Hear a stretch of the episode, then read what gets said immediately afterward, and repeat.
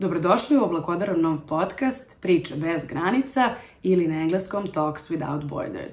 Pošto smo toliko dugo bili zatvoreni i stalno smo pod pretnjom da li će ponovo granice biti zatvorene ili ipak otvorene zbog korone, mi smo rešili da pričom pređemo zapravo sve te granice. Zvuči kao kliše, ali smo zapravo hteli da započnemo dijalog sa mladim ljudima koji su iz Srbije, a otišli su da žive u Evropu, u određene gradove, sa mladima koji žive u različitim evropskim gradovima gde su rođeni, ali i sa mladima koji su iz različitih delova Evrope došli u Srbiju da žive. Ovaj podcast pokrenuli smo u saradnji sa Austrijskim kulturnim forumom u Beogradu, Goethe institutom u Beogradu, Italijanskim centrom za kulturu iz Beograda i sa Danskom ambasadom. Nadamo se da ćete uživati, učestvujte slobodno u našim emisijama i delite vaše ideje i komentare u, naravno, komentarima na YouTube-u, a i na društvenim mrežama, a danas pričamo o Austriji. Naše gošće su Nikolina Nina Bober, koja je iz Srbije na master otišla u Austriju i potom ostala tamo, i Štefani Steiner, koja je iz Austrije došla da živi u Srbiju. Pa da počnemo.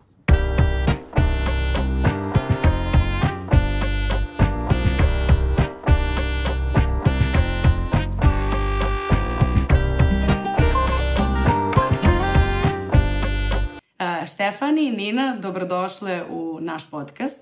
Hvala na pozivu.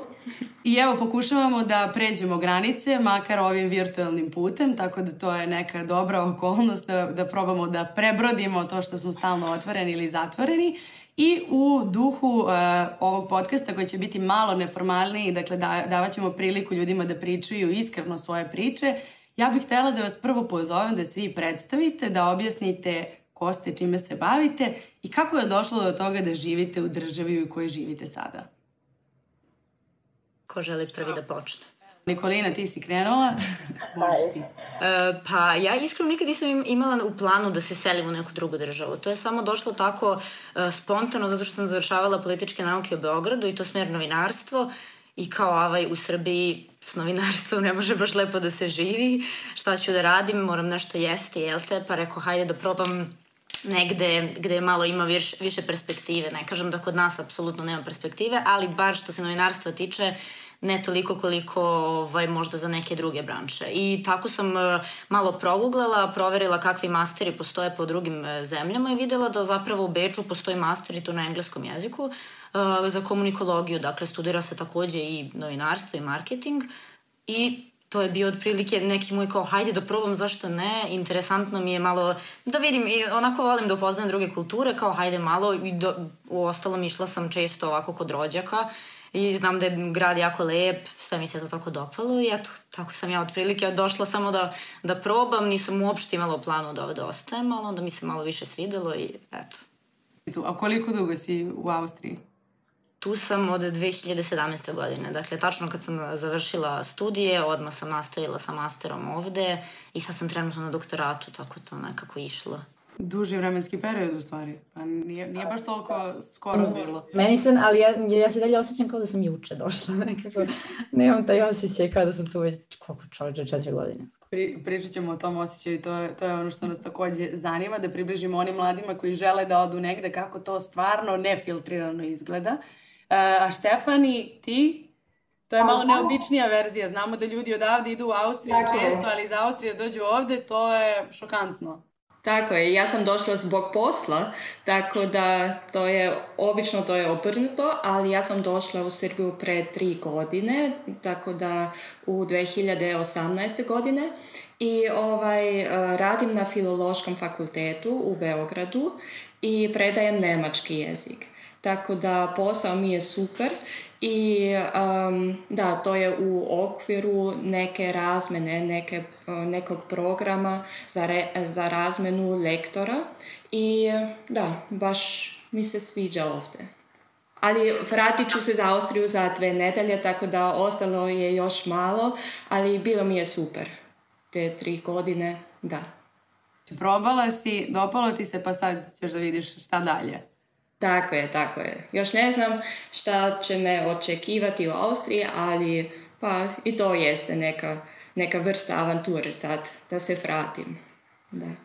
Kad pričamo o ovakvim iskustvima, uvek je dosta neobično i nekako uvek deluje da je negde drugde bolje, a kad dođemo nije baš sve idealno, iako ima mnogo pozitivnih stvari. Pa evo, da li možete da se prisetite obe svojih prvih utisaka kad se došla, dakle, Štefani ti u Srbiju i Nina ti u Austriju, kako je izgledao taj početak života? Koliko je lako ili teško uklopiti se? Koje su možda neke najveće razlike?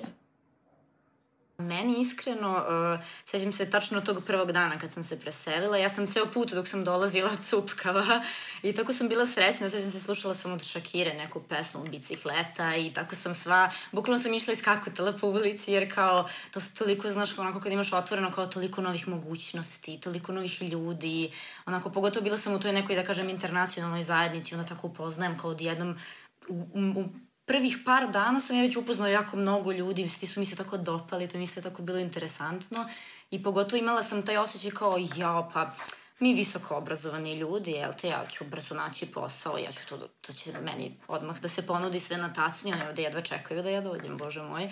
I to je bio otprilike neki moj osjećaj kao ja sad ovde dolazim kao nekakva zvezda, mene će to svi odmah da prihvate, ali onda posle vremenom sam shvatila da to baš i, ovaj, i nije tako. I prosto od tog mog lepršavog, onako, gde sam ja bukvalno skakutala po ulici, jao, jao je sve divno, sve predivno, onda je malo krenuo jedan depresivni period kad sam shvatila kao, ok, ovde ipak nije tako. Nije sve tako idealno. Pa i ne. Ne kažem, ima dosta lepih strana, ali pričat ćemo o tome. Da, pričat ćemo o tome koje su pozitivne i negativne, ali evo da čujemo Štefani, tvoj prvi utisak kakav je bio? Pa ja sam iskreno, ja sam malo čula pre toga što sam došla u Srbiju o Srbiji i baš mi je, me je iznenadilo da je Beograd jako živ grad, da pulsira i da ima dosta života ovde i za mene je uvek neka avantura kad dođem u neku novu zemlju, kao je Nina rekla, to je kad ti si uzbuđena, sve je novo, čuješ novi jezik, e, vidiš toliko novih ljudi i za mene u stvari da, neka avantura.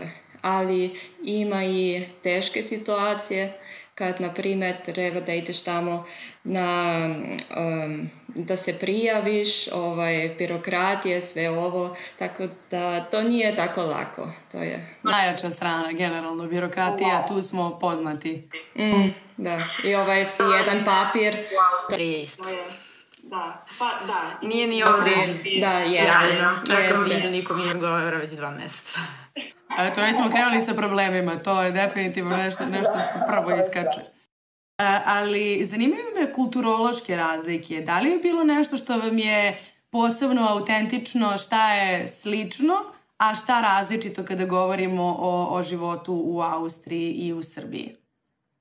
Pa meni je najveći šok bio, sećam se tačno tog prvog predavanja, uh, ja sam nekako navikla da kod nas mi se onako dosta sređujemo za fakultet, sve devojke su našminkane, svi smo nekako presređeni ja sam obukla belo delo, osjećala sam se kao Tito kad sam došla na prvo predavanje, tako sam se sva sredila i prosto u jednom momentu mi je bilo tako neprijatno kad sam shvatila da sam ja jedina koja se u stvari sredila za predavanje i da su svi ljudi bili tako opušteni, bukvalno u pidžamama s nekim punđicama na glavi, uopšte nije bilo potrebe da se toliko sređem, znam da me čak neko pitao kao, a pa ti ideš negde posle ovog, Ja kao, da, na neki rođendan, što nije bilo tačno, naravno.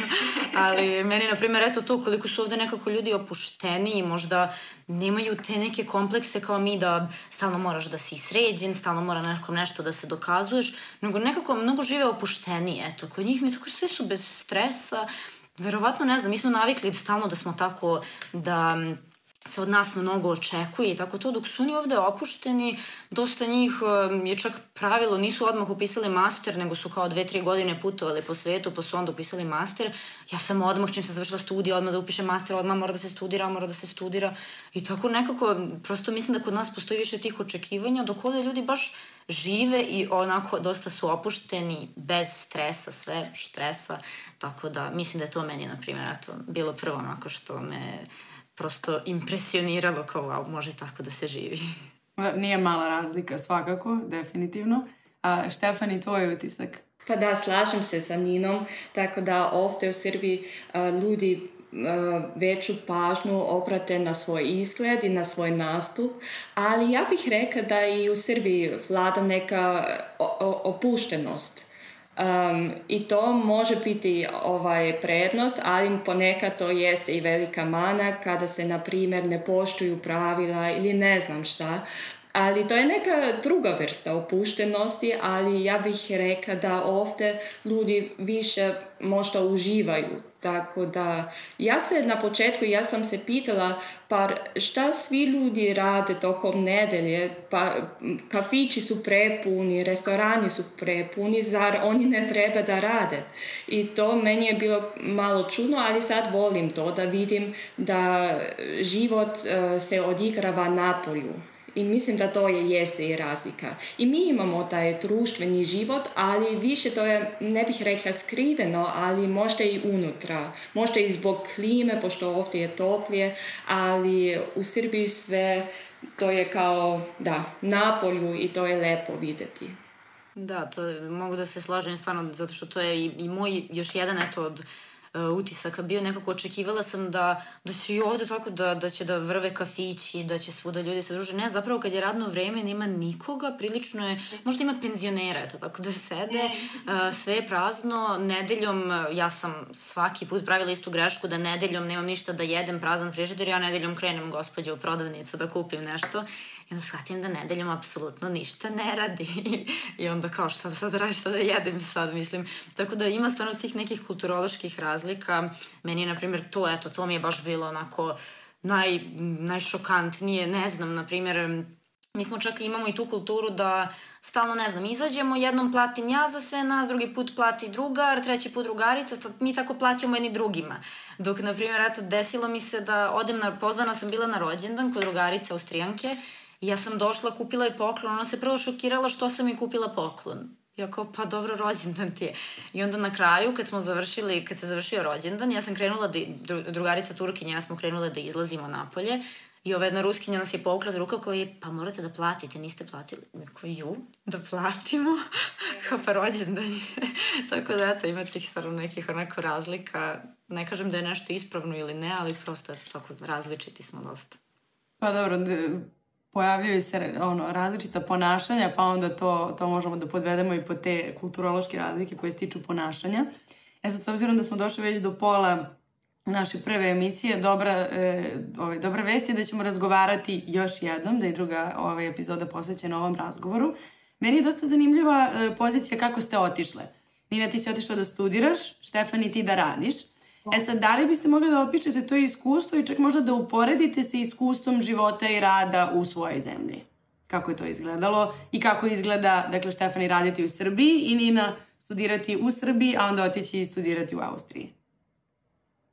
Pa mislim da ovde na poslu možda je malo više haotično, ali um, ljudi ovdje su baš fleksibilni, ja bih rekla, tako da kad ima neka uh, nepredviđena situacija, oni, oni se ipak kao sprave sa tom situacijom i kod nas e, pa pre toga što mi smo snimili tu ovaj pod, taj podcast, uh, internet mi je pukao i to mi je toliko iznemirao, uh, iznevirao da to neverovatno, neverovatno, to mi je baš neprijatno, ali u ovim trenucima ja bih e, voljela da imam tu opuštenost u nekim stvarima, da se ne izneviram, da budem malo smirenija, ali mislim da to je, da, haos, ali nekako i fleksibilnost.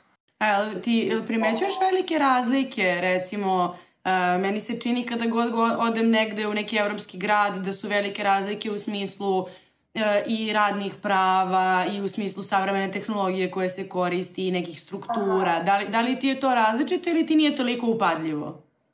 Pa, na primjer, na faksu nemamo interneta, to je čudno. I na početku kad sam došla pre tri godine nismo imali kompjutere u učionici, nismo imali bimere ili nešto.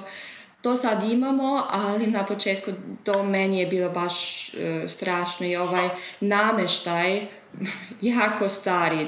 Tako da kao iz, ne znam, devet, ne 90, ali 70-ih. Tako da u tom smislu mislim da u Austriji to je više moderno. Da. Da, to bih se sigurno složila. Meni je, na primjer, eto isto kad sam došla ovde, tako me iznenadilo da je sve nekako digitalizovano, sve se radi online. Ja čak u početku mi je malo trebalo vremena kao da shvatim da sve mogu online, nigde ne idem da tražim neki papir ručno ja nešto da radim, nego je sve tako nekako digitalizovano. I da, definitivno, ono, mislim, i razlog zašto bih volela, ne mogu da kažem ništa da će biti dovek, ali zašto bih možda volela više da ostanem ovde da radim, bar iz te neke perspektive ono posla, baš zbog tih um, radnih prava. Dakle, ja nekako osjećam se zaštićeno u firmi, znam da niko ne može ništa apsolutno da mi uradi, da niko ne može da me tretira na neki uh, način na koji se meni ne dopada, tako da nekako osjećam se prilično sigurno. Takođe, um, поготово луѓе кои раде koji već imaju i radne dozvole, ja radim part-time kao preko studentske vize, ali ljudi koji imaju radne dozvole, oni dakle su dosta zaštićeni, jer ako se desi da firma hoće da te otpusti, onda tebi socijalno, to jest biro za zapošljavanje, bukvalno, mislim, firma i dalje mora zbog njih je u obavezi da ti dalje isplaćuje platu, a taj biro ti traži drugi posao. Dakle, ti si nekako bezbeđen, nijeko da će neko tek tako da te e, otpusti i da ti sad šta ćeš, da si sad na ulici. To se ne dešava. Dakle, primetili smo, evo, na primjer, sad u vreme pandemije da Uh, I ovde je bila zatvorena gastronomija kao i kod nas. Međutim, ovde su ljudi dobili 80% uh, plate, uh, takođe kafići, čitava gastronomija, svi su dobijali isto i dalje neke prihode ovaj, od upravo tog socijalnog, tako da nije bilo kao, ok, uh, sve je zatvoreno i šta ćemo sad, umrećemo od gladi. Ne, oni su i dalje živjeli, primali su, ovaj, primali su nekako, da kažeš, platu, nekakvu nadoknadu, dok znam da kod nas nije bila takva situacija i znam, imam prijatelje koji su uh, ili rade u gastronomiji ili drže neke objekte i znam da je za njih bio jako, jako težak period. Tako da, na primjer, eto, to i generalno ta uh, prava zaposlenih, meni je to onako baš, baš jedna velika prednost uh, Austrije u odnosu na Srbiju. E sad da se vratimo samo, pošto verujem da, da uh, mladi koji će zanimati da gledaju ovakav sadržaj, da su među njima i oni koji bi volili da dođu da studiraju. Da se vratimo na to kako je izgledalo i kao koje su najveće razlike iskustva studiranja u Austriji.